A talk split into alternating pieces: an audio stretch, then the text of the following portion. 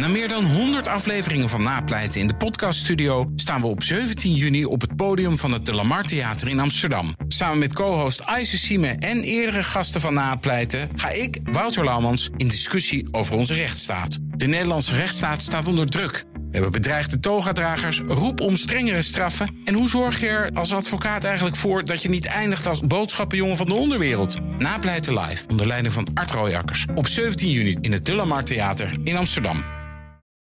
De column van Bernard Hammelburg. Met de snelheid van het geluid valt Afghanistan weer in handen van de Taliban. En dus slaan burgers massaal op de vlucht. En hoe reageren Nederland en andere EU-landen met een waarschuwing dat Afghaanse asielzoekers nog steeds kunnen worden uitgewezen?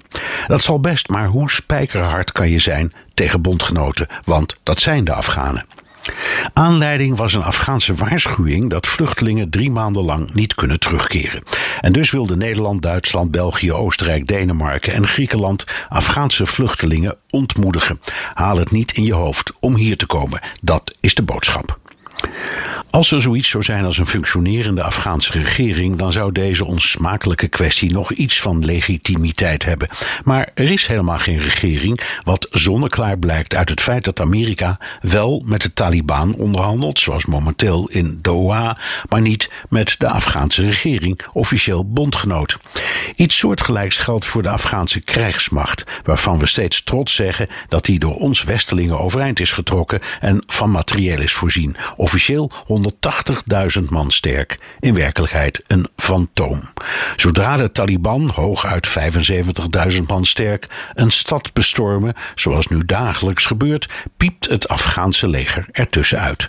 Marcheren en paraderen in strakke uniforms gaat prima, maar bij een aanval zijn ze weg.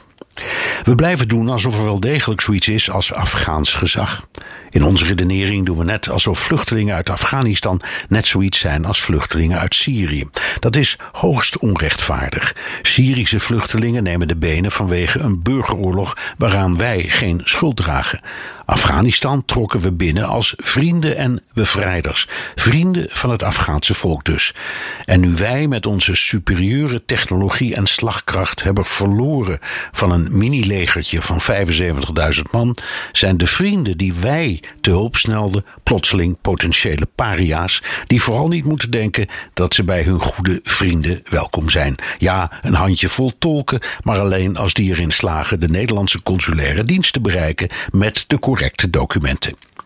Dat de politiek zich laat leiden door populistische islamofobie is één ding. Maar dat begrippen als bondgenoot en vriend in de politieke versnipperaar gaan, is diep treurig.